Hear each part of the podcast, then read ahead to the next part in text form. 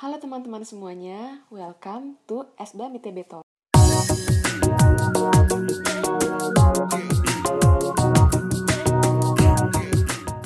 Hari ini kita akan ngobrol tentang penyebaran hoax virus corona dan upaya kita untuk melawannya.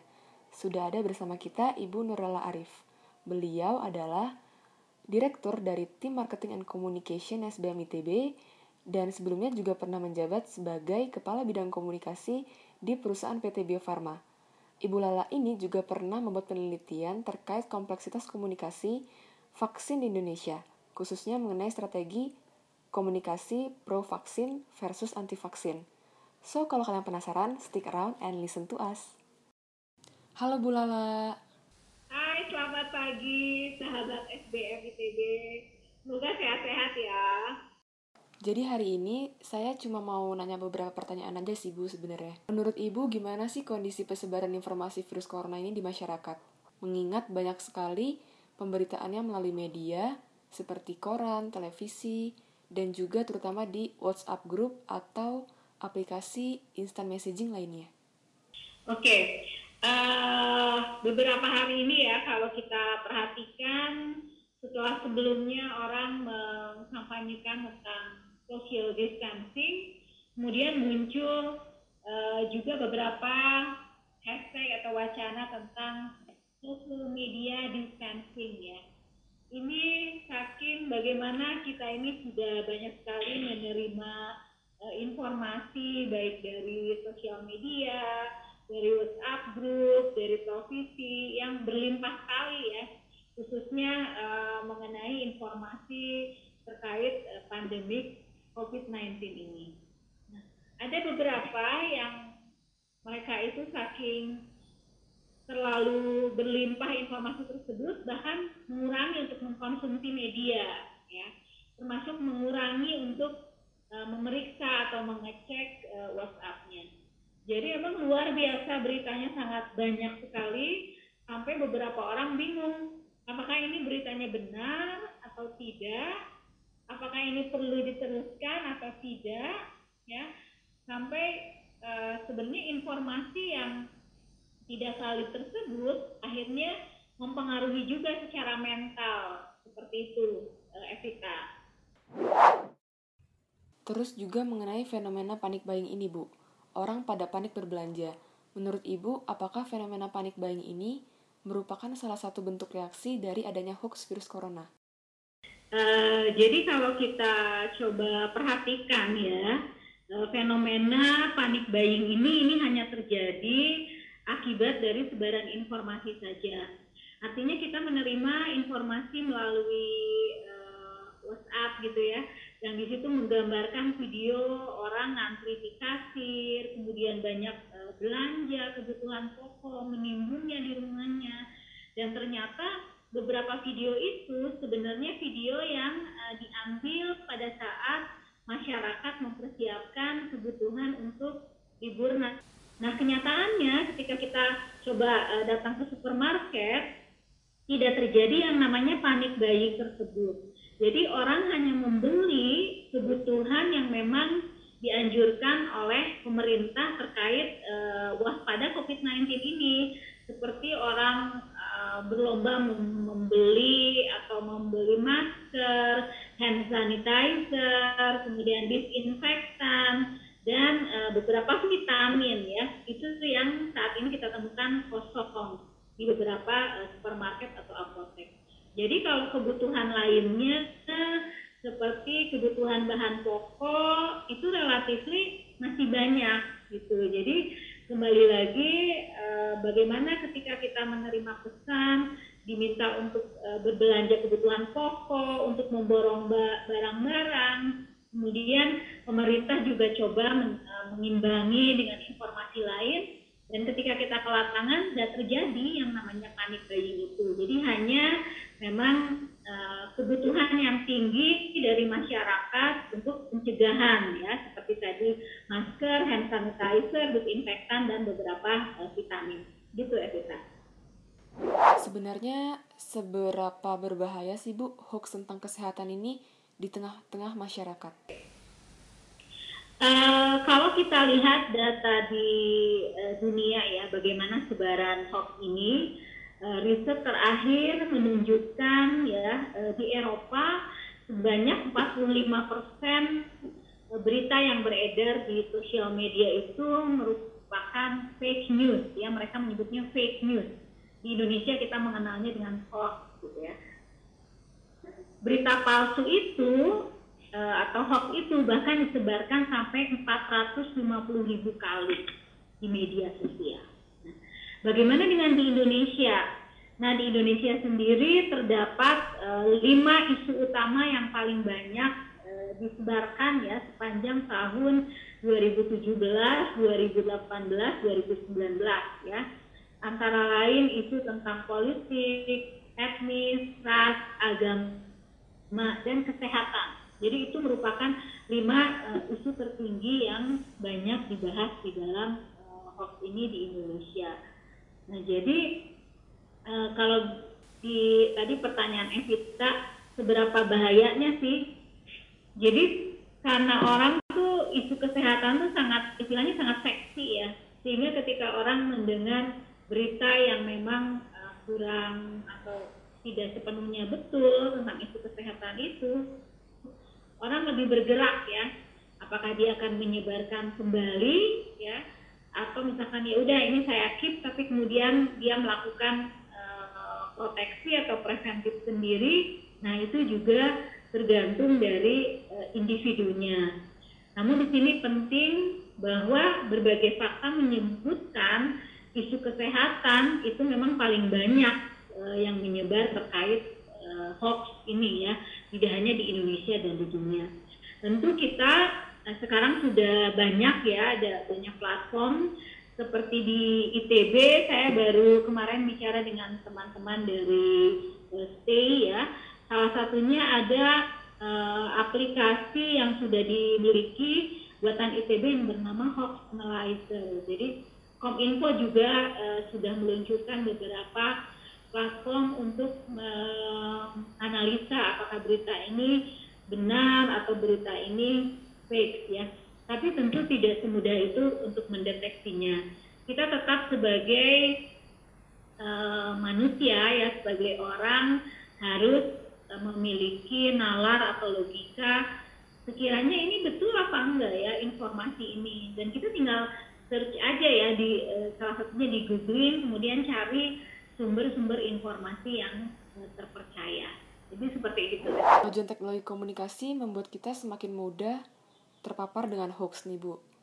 Karena semua serba instan dan mudah seperti itu. Jadi apa cara-cara yang bisa dilakukan masyarakat agar bisa terhindar dari pengaruh hoax? Hmm. Oke, okay, uh, eh, ini menarik ya. Baru-baru ini saya habis baca uh, buku yang judulnya Everybody Lies. Jadi apalagi di sosial media orang itu itu menurut uh, risetnya dari Google sendiri ya. Orang sosial media atau ketika kita melakukan uh, survei, orang itu cenderung akan berbicara bohong ya untuk uh, menutupi atau menjaga image-nya dengan baik ya. Yang uh, dia mengatakan bahwa oh suami saya sangat gagah sekali, suami saya sangat romantis ya. Tapi kenyataannya di hmm, pada fakta yang lain dia itu tidak seperti itu. Itu salah satu contoh saja. Jadi memang bagaimana sekarang uh, bisa dikatakan caranya itu namanya post truth ya. Jadi informasi yang tidak benar atau yang hoax atau yang palsu karena terus menerus ya, disampaikan akan dianggap betul oleh masyarakat. Dan bahkan informasi yang benar itu bisa dikalahkan dengan informasi yang tadi yang tidak benar tapi terus menerus disampaikan kepada uh, masyarakat. Ya jadi kita sekarang masuk ke yang namanya era post truth ya Nah, bagaimana sih uh, uh, kemajuan teknologi komunikasi yang supaya kita tuh tidak tidak terpapar hal seperti itu? Kembali lagi ya, artinya uh, ini tidak hanya bisa dilakukan oleh pemerintah, tapi bagaimana sih upaya kita contohnya seperti perguruan tinggi, organisasi profesi, komunitas atau masyarakat juga terus uh, mengkampanyekan ya ide-ide tentang misalkan yang dilakukan oleh Perhumas Indonesia bicara baik. Artinya kita untuk tadi mengimbangi informasi-informasi yang memang uh, tidak benar tapi sudah terlanjur diterima oleh masyarakat ya kita imbangi supaya informasinya berimbang. Terus juga pola komunikasi seperti apa yang dibutuhkan masyarakat untuk melawan hoax virus corona ini dan apakah ada juga cara yang bisa dilakukan oleh pemerintah untuk mengontrol persebaran isu-isu negatif yang sangat cepat ini, Bu? Nah, uh, kalau kita lihat prakteknya dari pemerintah ya, seperti menunjuk uh, juru bicara resmi dari pemerintah untuk menyampaikan update informasi ya eh, contohnya yang sekarang terkait COVID-19 jadi menunjuk juru bicara itu salah satu uh, upaya yang dilakukan sehingga komunikasinya itu one gate communication. Jadi komunikasi satu pintu. Uh, orang tidak diperkenankan untuk semuanya berbicara ke publik tapi hanya satu orang saja yang memang dianggap kompeten, menguasai permasalahan, dapat menyampaikan informasi yang kompleks, yang komprehensif, lebih sederhana sehingga bisa dipahami oleh masyarakat. Ya. Kemudian selain adanya juru bicara, kita lihat juga pemerintah menyediakan beberapa narasumber. Narasumber yang memang juga kembali mereka memiliki uh, kompetensi ya sehingga bisa menyampaikan kepada uh, masyarakat. Nah di sini uh, tentu kembali lagi pada saat seperti sekarang tidak semuanya memang dikatakan orang ingin menyampaikan sosialisasi, orang ingin mengedukasi. Tapi dengan adanya penunjukan dari juru bicara resmi narasumber resmi dari pemerintah atau dari lembaga itu merupakan upaya untuk tadi one gate communication. Salah satu contoh yang bagus ya dari uh, praktek SBM ITB, semula kan kita ada beberapa WhatsApp group ya, di mana isinya baik itu para dosen maupun para uh, tenaga profesional ya atau tenaga pendidikan Eh, ketika menyampaikan informasi, kemudian orang menimpali apakah itu bertanya atau itu menambahkan informasi yang lainnya. Bayangkan kalau dalam grup itu ada 200 orang lebih. Ya. Tentu itu akan ramai sekali dan bahkan informasi penting bisa tertimpa dengan informasi-informasi baru. baru. Nah, salah satu yang dilakukan SBM adalah membentuk uh, WhatsApp group yang komunikasinya bersifat satu arah. Jadi hanya orang-orang yang memiliki uh, otoritas saja yang bisa menyampaikan informasi. Misalnya dekan, wakil dekan, atau kaprodi, di situ bisa menyampaikan informasi. Dan yang lainnya, kita sebagai uh, anggota dari kelompok WA tersebut tidak bisa menyampaikan informasi apa-apa. Itu salah satu cara ketika dari uh, otoritas perlu menyampaikan informasi terkait protokol kesehatan, terkait kebijakan, dan uh, supaya lebih mudah menyampaikannya tidak ada uh, disrupsi ya dari anggotanya dilakukan model komunikasi WA tapi satu arah seperti itu. Terus juga salah satu upaya pemerintah terkait virus corona ini adalah dengan uh, melaksanakan social distancing. Namun sampai sekarang masih ada beberapa kaum masyarakat yang belum menganggap uh, kasus corona sebagai hal yang sangat-sangat urgent. Mereka pun masih keluar rumah padahal apa yang dikerjakan bisa saja dilaksanakan atau diselesaikan di rumah. Menurut Ibu, apa penyebabnya? Apakah ada kaitannya dengan kurang efektifnya imbauan pemerintah kepada masyarakat?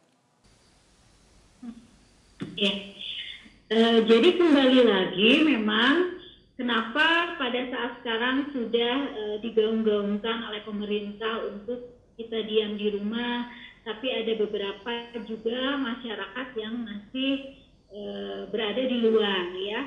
Terlepas dari memang para uh, sahabat atau para pahlawan yang memang di, di luar melakukan berbagai upaya ya untuk uh, meminimais dari dampak COVID-19 ini kita mungkin concern kepada beberapa uh, masyarakat kelompok masyarakat yang melakukan seperti nikahan ya, atau mengadakan acara-acara uh, yang berkumpul yang jumlahnya cukup besar.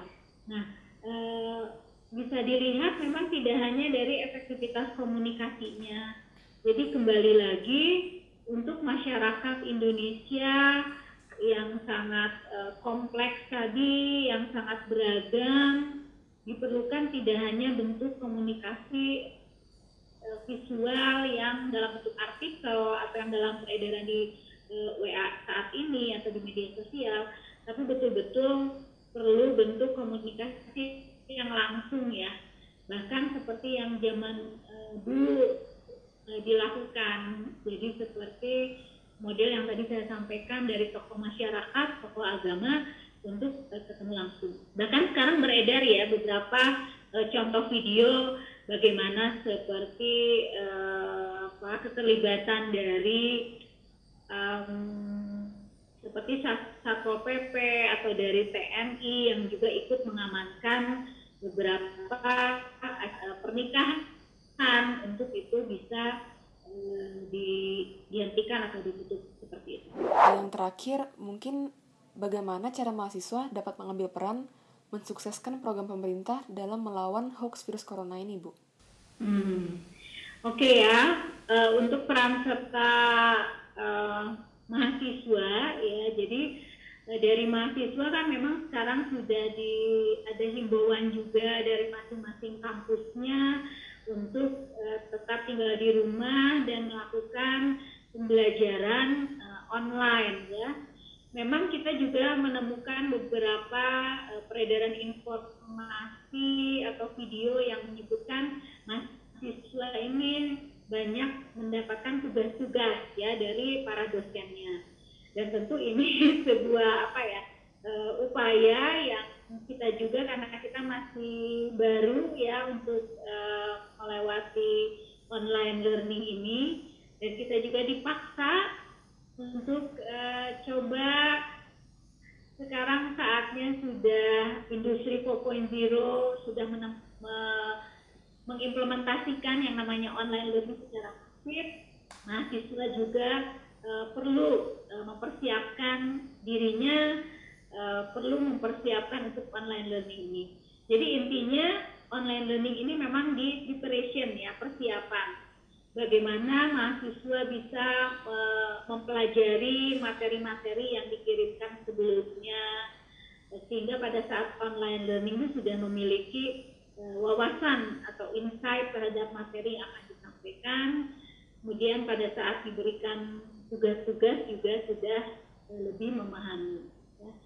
Eh, kita juga berharap bahwa pertemuan langsung ya, pertemuan langsung dari antara mahasiswa dan dosen ini juga sudah sangat kita idam-idamkan ya. Saya terus terang udah kangen juga ketemu mahasiswa ya.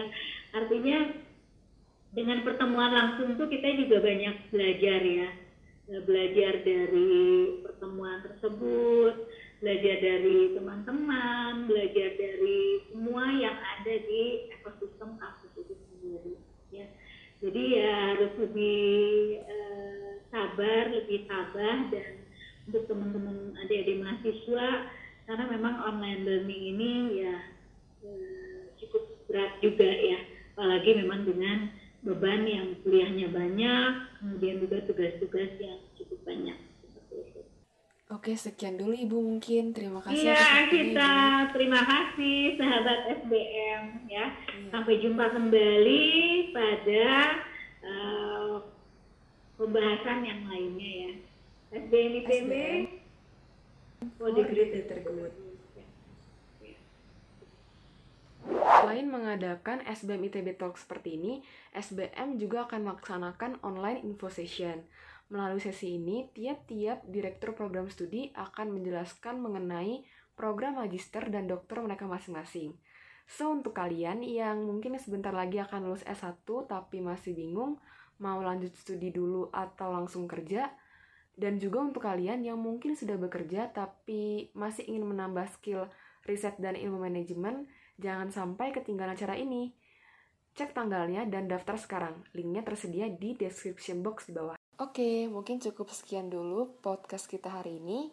Terima kasih teman-teman karena sudah menonton hingga selesai. Jangan lupa like dan komen cara kalian dalam menyikapi hoax. Bye!